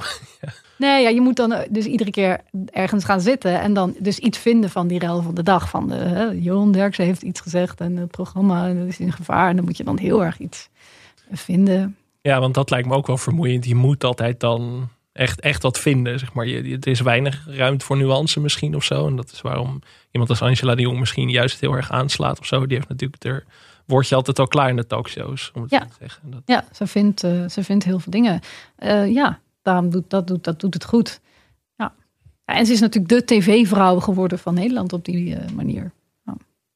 Dan kijk je daar wel eens jaloers naar. Dat je denkt, ik, ik had ook de tv-vrouw van Nederland willen zijn. Of denk je van, laat maar schieten. Nee, nee, ik, ik vind het heel leuk om eh, meerdere dingen naast elkaar te doen. En ik Mhm. zou ook niet, eh, ik zou ook echt niet alleen maar tv-recensies willen maken. Ik vind het heel leuk om ook over andere soorten popcultuur te schrijven en eh, over andere onderwerpen. Dus eh, dat zou ik niet willen missen. Precies in die tijd van dat, dat je twee tv-recensenten van twee grote kranten had. Bijvoorbeeld is ook wel een beetje voorbij toch? Van, eh, van vroeger. Het zijn zeker bij de Volkskrant is het natuurlijk best wel... Jullie Ja. werken met een pool van vier, vijf, Vijf, mensen. ja, vijf vijf, mensen. ja. Daardoor is er ook wel redelijk variatie. Er is niet meer één tv-stem van de. Volkskrant bijvoorbeeld, toch? Ja, sommige mensen vinden dat dan jammer. Die hadden dan een soort van eh, eikpunt of zo gewild. Maar ik denk dat het zo eh, ook goed werkt. En je krijgt inderdaad wat minder dat je ja, bepaalde voorkeuren leidend zijn. En, Ja, dat je alleen maar VPRO-documentaires op Radio 2 op zondagavond gaat bespreken. Ja. Dat is dan het cliché een beetje. ja. Heb je wel eens dat je echt baalt dat het niet jouw week is? Want jij, jullie hebben dan zeg maar, jullie verdelen het in weken. Ik Ja. kan me voorstellen dat je soms iets hebt waarvan je denkt, oh, ik had hier zo graag over willen schrijven, maar Ja. het is niet mijn week. Zeker, ja. Wat, ja, wat is zo'n ik voorbeeld daarvan? Valt me nu iets heel doms in. Dat programma waarin ze gingen schapen hoeden. Wanneer was Ja. dat ook? Ja. Dat had ik zo graag, Moskowitz. had ik zo graag willen doen. Die gingen BN'ers, die werden dan schapenhoeder. Ja. Ik bedoel, dat, het, het is bijna een soort middelvinger van de programmamakers naar de kijker. Zo van, we hebben ze echt al alles laten doen. Weet je, ze hebben al geijsdanst en ze hebben al, ja, weet ik veel. En nu moeten ze dan schapenhoeden. Ja, daar had ik wel zin in gehad. Maar verder valt me nu dus dan niks in op schapenhoeden. Nee, dat was ook wel. Ik had echt bij dat programma echt het idee dat ze er echt om deden. Van oké, hiermee gaan we, gaan we ophef veroorzaken of zo. Ik kan Ja. me niet voorstellen dat ze dat onironisch bedacht hebben. Nee, Of, zo. Dat, nee. of dan moet het wel heel ernstig gesteld zijn. Maar dat had ik ook met het zeilprogramma wat wij toen hebben Ja. besproken. Alle hens aan dek. Dat, er, dat ze vijf BN'ers op een zeilboot sto- stopten. Dat was- Oh, dat is ook al gebeurd. dat is ook zeker gebeurd. Dat was ook een beetje, wel een beetje in dezelfde periode. ja, Ja. Dus dat sloot een beetje op elkaar aan. Ja. Toen had SBS wel echt de bodem. ja. Ja, ja, daar zitten ze al met sommige programma's al wel een tijd. Moeten we het nog hebben over Marble Mania? Marble Mania. Moeten BN'ers nu ook al knikkeren? ja, zeker. Ja? Oh ja, wacht. ik, heb, nee, ik heb iets, is iets langsgekomen. Het was Ja, vorige week was de Ik snap eerste. dat je dit zo snel mogelijk wil verdringen. Vorige week was de eerste aflevering inderdaad. Het is met Oh. eh, Winston Kerstanovic. Kerstanovic, die dat eh, presenteert. Hmm. En eh, Wesley Snijder, Giovanni van Bronckhorst en Roland de Boer deden mee. En het is met commentaar van Jack van Gelder. En volgende week gaan we zien wie de beste, of eigenlijk deze week, gaan we zien wie de beste knikkeraar van Volendam is. Want Is zijn het, ook alleen voor mannen dan? ja, Is dat een blijkbaar. mannensport? blijkbaar. Eh, ja, er doen wel vrouwen mee volgens Ja, mij. Maar het zijn oh, wel weer voornamelijk mannen die er mee nou, want de volgende aflevering is volgens mij Nick Simon en Kees Tol. Dat is Oh. ook weer alleen man. Oh ja. Ik zag, ik zag in een voorfilmpje Inge de Bruin voorbij komen. Maar dat was wel echt de enige die me nu te binnen zat. Dat is Oh. ook de wel raar inderdaad. Altijd Ja. als er, zeg maar, je hebt altijd, als er sporters, je hebt altijd gewoon een aparte categorie voetballers. En Ja. dan heb je nog sporters algemeen. En da- daar zit altijd Inge de Bruin bij. Doet hij altijd mee? Ja, Ja, en Inge de altijd Bruin doet Ritsma. altijd mee aan dit soort programma's. Rintje Ritsma ook Ja. altijd. Ah, het is wel lief. En eh, hoe heet, ze? Leontien van Moorsel deed ook Ja, mee ja, volgens ja. mij. Dat is ook wel zo iemand die altijd meedoet. Vraag me altijd af waar die mensen allemaal de tijd vandaan halen om aan al die Ja. programma's mee te doen. Maar ook best Eh, wel... tussen Temptation ja. en Wie is de Mol. Dus het kost allemaal toch heel veel tijd. Wanneer moet je dan nog eh, gewoon een BN'er leven leiden? Ja. Je BN'er activiteiten doen. ja, want als je... inderdaad- Je wekelijkse bijeenkomst bij de Bij BNR-conferentie. de bond. Ja. Ja. Ja. Maar ja, ze hebben nu natuurlijk geen snabbels meer. Dus nu moeten ze misschien wel... Nee, nee, dat is voor. Je ziet Ja. natuurlijk ook- nu ook bijvoorbeeld. eh, Ik zag Rafal van der Vaart in een eh, reclame van Governor of Poker. Waar hij ook een soort gezicht had van. Heb echt geen idee wat dit is. Oh. Maar dat is natuurlijk, kijk, de snabbels zijn een beetje op. De fysieke snabbels. Dus Mhm. dat Ja. soort dingen. Beetje, ja, dat soort tv-programma's en, en reclames. Dat ga je nu krijgen. De Ja, online is- dagvoorzitterschappen. ja, dat kan natuurlijk nu niet. Nee, Oh, online, jawel. Dat. Ja. Want dat is ook wel grappig aan, aan Marble Mania. Dat je wel, je ziet best wel veel, nou, tussen haakjes grote namen die er ook Ja. aan meedoen. Zeg maar. Ja. Nou ja, ja, grote namen is net hoe je het interpreteert. Maar ook Twan van Peperstraat, Hans K. Junior deden. Maar Giovanni van Bronckhorst doet nooit zoiets. Nee, Echt nooit. En die doet dan wel denken dat hij het moeilijk heeft. ah, misschien. Ik weet niet. Ja. Ik, weet, ik weet niet waar dat vandaan komt. Maar ik zag die deelnemerslijst en ik dacht wel van... Het, is- het is niet helemaal het, het C-putje van BNN. Nee, nee, zeker niet. Maar putten. dit is ook wel echt groot aangevlogen volgens mij door John de Mol. Je ziet door de hele stad, eh, zie je overal die posters hangen en ze zijn er al heel lang. Hij zat zelfs bij Tijd voor Max, John de Mol zelf. Om er, eh, dacht ik, ah, dat is ook best uitzonderlijk om het erover te hebben. Dus ik denk dat daar wel een budgetje voor is. Ja. Wat je daar dan? Je wordt daar echt voor betaald om mee te doen. Dat lijkt, denk Ja. ik wel. Dat hoop ik voor ze. Ja, dat lijkt me wel. Anders Nou ga je ja. niet in zo'n groene polo. eh. Nou ja, maar bijvoorbeeld Ja. Temptation Island, daar zitten altijd wel mensen in die graag beroemder willen Ja. worden. Dus Ja. het is voor hen ook gewoon Ja. nuttig om mee te doen. Dus ik, ik weet het niet wat je daarvan van kunt verwachten. Je bent wel een Nee. tijd uit de running natuurlijk. Nee, maar zo bij dit programma is het natuurlijk... Ja, het kan nog zijn dat je gewoon een beetje lol wil maken of zo. Maar Ja, ik, ik denk, het zal ook niet helemaal om geld gaan. Maar toch zou ik ook weer denken van ja, dat soort mensen zoals Wesley Sneijder, die worden waarschijnlijk dagelijks voor eh, dit soort dingen gevraagd. Dus ik ben dan toch Ja. altijd benieuwd waarom dit dan wel. Ja, Het- Nikker is gewoon vet. het, Dat was wel. wel, eh, het was wel een fascinerend programma. Het, Ja. eh, heb jij het gezien? Ja, ik heb het zeker gezien. Ik vond het wel, eh, ja, een hele belevenis. ja, het was ook een soort domino day met knikkers. Zo kun je het eigenlijk eh, een beetje aan de Vooral man. gewoon heel veel knikken. Ja, Gewoon overal knikken. ja. Ze hadden heel erg uitgepakt met mega grote banen en thema's en zo. En, eh, de, Het was en onafvolgbaar. Met allemaal categorieën. En eh, Jack van Gelder die echt loei enthousiast was. Ja, het is echt... Ja, nee. Ik ben nog niet helemaal Nee, overgehaald. nee. Maar ik dacht ook bij Lego Masters, dacht ik van, eh, maar toen bleek het ook heel leuk te zijn. Dus Ja, ik weet niet of ik Marble Mania in diezelfde categorie zou willen Nee, plaatsen. ik weet ook niet of het leuk is. Maar je Nee. moet het wel, ik, ik zou het wel een keer kijken. kijken. Eén Ja, keertje, denk ik. Het is wel leuk om te kijken. nou, dat zal ik wel doen. Zijn er verder programma's die je echt vast kijkt of regelmatig kijkt?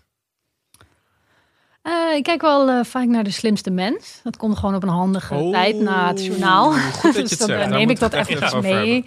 Dat is ook heel geschikt voor mensen met een eh, korte concentratiespannen. dat gaat lekker Heerlijk snel. programma. Dat vind ik Wat heel vonden jullie fijn. van de finale week? Ik vond het wel echt een leuk seizoen. Het was heel leuk.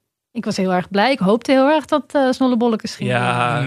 Echt, eh, echt al, nu al een kandidaat voor het tv-moment van dit jaar dat hij won hoor. Dat Ja, Zeker. Wil jij een dankwoord spreken? Ik eh, wil een woord van dank spreken. Dus iedereen die zijn eigen aangesproken voelt, bedankt. Ik vond het echt een avontuur om eh, mee te doen. Ook de medekandidaat, natuurlijk Filip Maarten. Hartstikke bedankt voor deze onvergetelijke ervaring.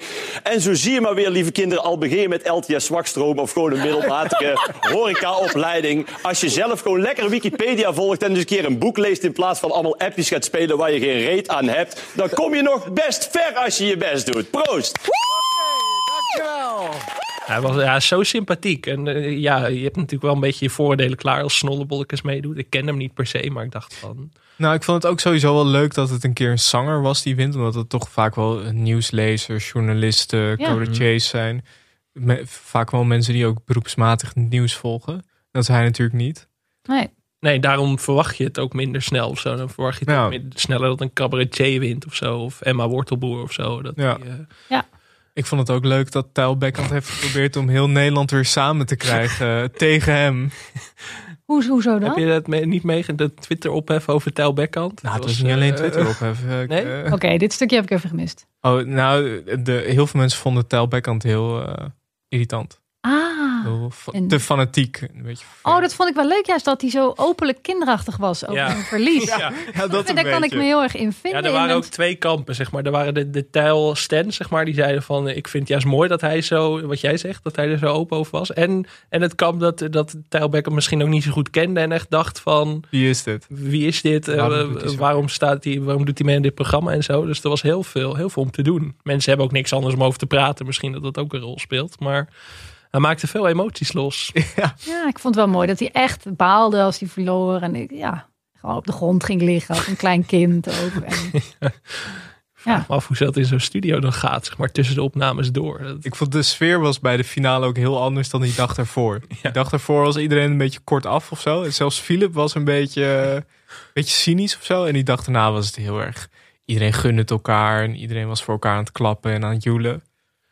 Het was, eh, die finale werd bekeken door 3,2 miljoen kijkers. niet hè? Dat normaal. was Ja. 3,2 miljoen mensen. Dat is echt bizar. We zitten wel echt in de hoogtijdagen van de tv wat dat betreft. Eh, Ja, komt weer helemaal Dat is terug. allemaal leuk. eigenlijk. Maar je mag gewoon boos worden als je, als je verliest. Hè? Gewoon vloeken, Tuurlijk. stampen. Je hoeft niet te applaudisseren voor je tegenstander. Wel nee. Ben jij al gevraagd om mee te doen aan de slimste mensen ooit? Nee. Nee? nee. Zou je het doen? Ja, tuurlijk. Maar Ja. ik zou ook bang zijn dat ik heel snel eruit zou zijn. Omdat ik te weinig weet. Nou, dat, dat, is wel, dat is wel het ding. Volgens mij, ze vragen redelijk wat mensen. je bedoelt, jij maakt, ook jij maakt kans. Ja, maar er zitten ook al 30 afleveringen open sollicitaties. Oh, Nee, nee, maar ik bedoel, heel veel, heel veel mensen hebben uiteindelijk toch wel zoiets van... Ik ken ook wel mensen die gevraagd zijn en dan toch eerst dacht, oh leuk. En dan even gingen nadenken en dacht, ja, maar als ik er na één keer uit lig, is het toch een beetje pijnlijk. Nou, er liggen zoveel mensen naar Ja, één keer joh, uit. dat Nou, is en, ook zo. Ik zou het ook de beste mensen. De mensen waarvan je dacht, oh, die, die gaat winnen. En die er Ja. na één aflevering uit liggen. Dat, en het is toch ook niks om je voor te schamen als je niet eh, acht verschillende soorten cornflakes Nee. kunt herkennen of zo. Ja, boeien. Nee, soms zie je ook dingen voorbij komen. En ja, ik vind dat, ook, ik vind dat eigenlijk nog het allerleukste aan het programma. Zeg maar. dat, dat, dat er dan iemand vraagt van eh, iets over, over WF Hermans bijvoorbeeld. En dat ze dat Mm. dan niet weten. En dat er dan altijd een paar mensen zijn die dan boos gaan twitteren van... Dit is dus de staat van de Nederlandse literatuurkennis en zo. Dat, dat vind ik ook zo Ik vind- lekker. Ik vind het ook altijd wel leuk als ze bij die eh, galerijronde echt... Soms hebben ze echt compleet knettergek vragen van... Dat je acht wolken hebt En Ja? die dan in de vorm van een rockster of zo, weet je wel, dat soort dingen. En dat je dat dan maar moet weten. Oh, klinkt leuk. Ja, over, over spreekwoorden. Dat ze een soort stokfoto's gecombineerd hebben met filmposters en zo. En dan vandaar moet je maar een spreekwoord uit zien te Ja. ontwaren. Dat, eh Ah, jullie zijn echte fans. wij zijn echt fans, ja. Echte fans. Ik heb echt de afgelopen week had ik echt zo'n vast eerst first date, dan door naar eh, de slimste mens. En dan om kwart over negen was het altijd weer een verrassing wat er verder nog kwam. Ah, Wat de avond me bracht. Wat heeft de gemiddelde tv-avond verder nog voor jou in petto, Emma? het journaal. Het journaal. Ja. Dan naar bed. Nee. Ja, nee. nou ja, ik ga wel echt heel vroeg naar bed eh, nu. Ja, ook de avondklok. Moe ik denk, nou gaan we ook maar gewoon meteen naar bed. ja, ehm, wat de tv-avond. Ja, ik kijk gewoon ook heel graag veel series. Dus ehm, ik had eh The Loudest Voice laatst gekeken. Vond ik heel eh, mooi. Over die eh, Fox-baas. Vond ik wel een interessante serie. Zeker. Ah, ik heb de Sopranos helemaal opnieuw gekeken. Ja, daar ben ik ook Mhm. net aan begonnen. En dat is wel echt voor, eh, voor een, als je er even doorheen zit, is dat nu wel echt de ideale tip. Ja, het gaat lekker langzaam. Ja, Ja. echt heerlijk. Ja, ja, het is echt fijn om te doen. Maar daar ben ik nu wel weer doorheen. Ehm, ja, kijk veel, ja, gewoon eh serie I May, I May Destroy You heb ik eh, gekeken. Oh, die is heel goed. Dat eh, vond ik ook heel mooi. Eh, en nu WandaVision. Hadden we het daar nou al over? Ja, aan het begin hadden we het even over. Ja. Ja. Ja. we zitten al een tijdje. Ja, we zitten al. Ja, dat vind ik dus ook eh, heel leuk. En eh, ja, wat kijk ik verder eigenlijk? Wat doe ik eigenlijk de hele tijd? Ja. Ik kijk altijd tussendoor als ik aan het werken ben en dan mag ik eventjes pauze kijken. Ook wel die clickbait filmpjes. eh, Mhm. zit toch ook dan, soms dan is het net wel of net niet, maar er zitten Mhm. vaak genoeg le- hele leuke bij. Dus dan is dat soort van snack die ik mezelf gun als ik braaf heb gewerkt. Ja. Maar het is niet zo dat je elke avond de talkshows ook volgt of zo. Of gewoon af en toe een beetje Mm, inschakelt. Niet per se, nee. Ik, ik word er ook altijd eh, wel ontevreden en onrustig eh, ook wel van. Dus ik, ik kijk het zeker niet elke avond. Eh, ik wil ook gewoon naar bed. Maar ik kijk het ook wel eens terug. Al, al- met name als er ophef was. Toch Ja. wel, moet ik toch wel zeggen. Nee, ik kijk niet elke avond alles. Nee, Ik ook niet. nee verstandig. Kan ook Ik niet. te vaak, nee. Het Ja? is wel echt, eh, Ja, dat snap ik nooit zo goed, want dan zit je te ergeren. Ja, maar ik ben meestal dan gewoon andere dingen aan het doen. En dan heb ik, net wat jij dus hebt met, met, met de meubelprogramma's, zoals, eh, zoals jij noemde, zeg maar. Dat heb ik met talkshows, dat ik het gewoon op de achtergrond aan heb staan als ik iets anders aan het doen ben. En dat ik dat ook wel, af en toe dan hoor ik iets en denk, eh, wat zeg je nou eigenlijk of zo. En dan, of wat vraag je nu eigenlijk, heb ik het nog vaker bij op één of zo. Dat, maar daardoor krijg je ongewild toch wel veel mee van die talkshows. En dat Ja. eh, moet ik misschien toch maar eens afbouwen. Misschien moet ik meer naar eh, de bouwbroers gaan kijken. Zou ik niet doen. Hey, en wij doen in deze podcast blikken we natuurlijk ook op programma's, eh, terug op programma's die we in onze jeugd vaak keken. Heb je, heb je programma's die, die jou heel erg zijn bijgebleven vanuit jouw jeugd? Oh my god. Ik was echt zo'n tv-verslaafd. Ja, nog steeds. Maar als kind was het helemaal erg. Ik kom uit, eh, uit Zuid-Limburg en er was echt niet zo heel veel eh, te doen. Dus ik keek echt de hele dag tv's en zoveel programma's. Ik had een heel middagprogramma met, wat was het ook weer? Je had eerst de E-team, dan had je MacGyver, dan had je Roseanne, dan had je de Nanny. En dat roste ik gewoon allemaal achter elkaar er, er doorheen. En ehm Full House, eigenlijk heel slechte serie, maar... Ja, ik heb wel, wel veel eh, geleerd, onder andere Engels. Dus dat je de E-team te kijken en daardoor... eh, Ja, daar heb ik Engels van geleerd, Ja. van die programma's, zeker. En van Roseanne heb ik eh, sarcasme geleerd, van Darlene. Eh, ik weet niet of jullie Darlene nog kennen, de, de, de puber die altijd Mhm. eh zagrijnig eh, was over van alles en nog wat. Dat keek ik heel veel. En ehm, ja, maar ik keek ook wel het Rad van Fortuin. Treurig eigenlijk. Ja, en Theo en Thea en dat soort dingen. Ik heb veel Theo en Thea herinneringen. Maar ik was niet echt zo'n zo'n Villa Achterwerk kind. Dat hebben veel mensen die ik ken, die keken allemaal Villa Achterwerk. Maar dat, Ja, dat, dat klopt wel. Ja, ik, ik ben daar ook niet echt mee opgegroeid. Jij wel, toch? Of Niet? Nee, ik ook niet. Ook niet, oh. ja, ik keek echt al die Amerikaanse sitcom meuk. Ik ook, maar dat is volgens mij als kind is dat ook eh, heel fijn of zo. Om Dan, dan heb je altijd zo'n zo'n middagprogramma op RTL 5 of zo, of RTL 7. en dan ja. heb je allemaal van die, beetje van die instap sitcoms waar je Mhm. nog niet super veel voor hoeft te snappen. En ook veel van die Amerikaanse series die gewoon als eh 14-jarig vind je het ook fijn dat je dat helemaal begrijpt. Ja, Dat het niet heel ingewikkeld is. nee. Married with Children. Ja, ja, ja. Ja, oh ja. En daarvoor nog Elf. Dat heb ik nooit gezien. volgens Elf mij. is ook nog wel eens herhaald. Hmm. Nee, ik, Eigenlijk een rare serie. Ja. Ik had het heel erg met, met King of Queens. En dat, Oh ja, dat heb Oh, ik dat ook is ook helemaal. Ja. Zeker. Everybody Loves Ja, Raymond. dat was dat middagprogramma. Ja. Ja. En dan kwam Vlodder daar nog achteraan, Oh ja. vaak voor het Oeh. Nederlandse dingetje. Van de week op RTL 7, ik zet het aan, ze draaien daar nog steeds vlodder. Ja, ja, ja. Ja, maar Oeh. zij zenden de films ook gewoon volgens mij zes keer per jaar uit of zo. nog Ja. steeds. Ja, maar Vlodder heb ik ook zoveel gekeken. Ja, het was best heftig, want ik, ik bleef even hangen op RTL 7. En eh, ik, wist, ik wist me dat helemaal niet meer te herinneren, want ik heb het als kind dus allemaal gekeken. Maar eh, Kees, die zat gewoon, was gewoon een prostituee. Ja. Die lag daarboven en de mannen stonden in de rij voor haar slaapkamer. Ik denk, jezus, mocht ik dit allemaal zien? Met allemaal tieten en... eh, Ja, het is de best wel problematisch in die zin ook. Want ik heb dat ook op jonge leeftijd gezien. Volgens mij met mijn ouders op de bank samen. En zo. Dat je echt soms met plaatsvervangende schaamte zat van... Oh, Iedereen vond het het hilarisch. steeds verlopen. Ja. Iedereen vond het hilarisch. En ook, zij moest dan meespelen in zo'n scheme van haar broers. En dan, en dan mag die buurman er even overheen. Ja, Jezus ja, Christus. Ja, ja, maar ook de serie. Ik heb laatst zat ik in een aflevering toevallig. Zag ik ook volgens mij op RTL 7 of zo weer voorbij komen. Ik dacht van... Dit de tand destijds helemaal goed doorstaan heeft, durf ik ook niet helemaal te zeggen. Maar Ja. eh, Maar daarom ook leuk. Ja, ik Ook vind het ook wel leuk ja. dat ze gewoon bij RTL 7 consequent alleen maar vlodder en politieachtervolgingen en zo. Het is eigenlijk dat is al Ja. jaren hetzelfde. En Ja, blijkbaar werkt dat toch, of tenminste werkt het. Er zal, er zal een, eh, het is ook altijd wel echt bij, als ze dan bijvoorbeeld de E-team of zo uitzenden, zijn er altijd nog wel 80.000 mensen Ja. die er naar kijken. echt zo. waar? Ja, Oh, ja. Vraag je ook af, wie zijn die mensen? Ja. Eh, ja, maar ik dat is zou toch het lekker? wel weer willen zien. ja, ik, ik, ik, ik, sluit ook niet uit dat ik ga inschakelen. Maar dat is toch lekker dat een tv-zender gewoon al 30 jaar hetzelfde doet. Dat ja, zouden meer tv-zenders misschien never, over- never change a winning team. Mannen.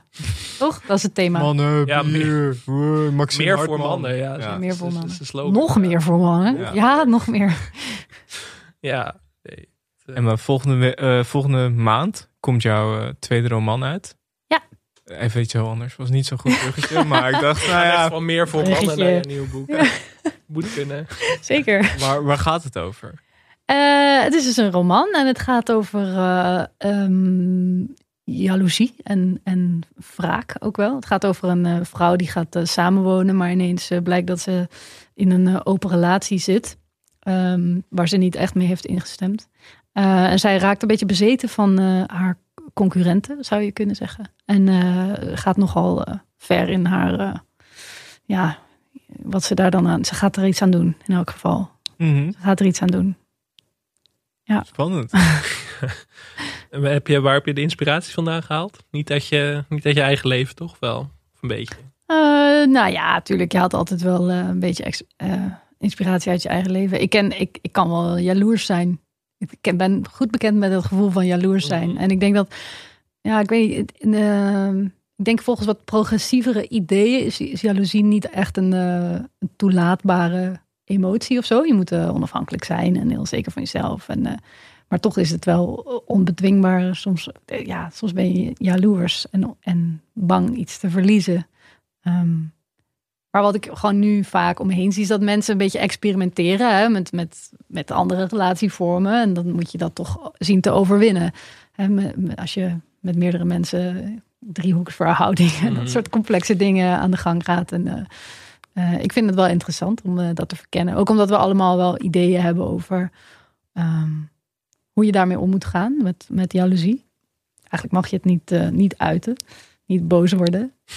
Ja, maar dat, dat doe je in je boek wel. Dus. Tuurlijk, ja, Ja. ja. je moet de mensen altijd natuurlijk eh, in boeken heel erg in de problemen brengen. En dan eh, kunnen ze kunnen zich verschrikkelijk gaan misdragen. Eh, dus dat gebeurt. En een vrouw in het boek, de hoofdpersoon Lon, komt in contact met de oma van haar concurrenten. En dan, ja, ja, meer mag ik eigenlijk niet vertellen. Maar, ehm, want dat zou ook alweer zonde zijn natuurlijk. Ja, ik moet nog een beetje werken aan de sales pitch. Ja. Maar eh, wel bedankt voor deze kans. Om een beetje experimenteren voor als, voor als M of zo straks belt. Dan Ja. je dat in ieder geval. Nou ja, oh, dit, dit moet ik nog vertellen. Ja, heel goed. Dat, ehm, ze gaan dus, eh, zij heeft dus als droomreis wil ze langs 108 banen ehm, gaan. Dus dat gaat ze uiteindelijk eh, doen. Dus het, het boek speelt zich ook voor een heel groot de- gedeelte af in, in pretparken eigenlijk. Eh, wat ook wel een fascinatie eh, van mij is. eh, die ik op deze manier lekker kon, kon verkennen. En ja. Pretparken. Het lijkt, me, het lijkt me best moeilijk dat je schrijft over tv, je schrijft voor Volkskrant Magazine, voor, je schrijft voor allerlei tijdschriften en kranten. Hoe, hoe doe je dat ben je heel erg van het tussendoor dan werken aan je boek? Of heb je, is dat heel planmatig? Neem je daar echt dagen voor vrij? Ja, ik wou dat het zo planmatig was. Nee, het was gewoon een ramp. Organisatorisch, emotioneel, in alle opzichten een ramp. Echt, ik ben gewoon helemaal eh, uitgeput eigenlijk. Maar ja, je probeert dan steeds zo een weekje vrij nemen. En dan kan je weer even aan een boek werken. En dan neem je later weer eens een weekje vrij. En dan kan je er ook weer aan werken. Maar ja, afgelopen tijd heb ik gewoon vaak eigenlijk de weekends... Uh, ook erbij gepakt. Wat ook niet zo erg is. Ik bedoel, ik heb het zelf allemaal verzonnen. Ik doe mezelf dit aan. Er is niemand die mij onder schot houdt. En zegt, je moet nu een boek uh, maken. Schrijven. Ja, dus, uh, maar zo lukt het dan, uh, dan allemaal toch wel. Uiteindelijk. Hoe lang heb je eraan gewerkt? Ja, heel veel te lang.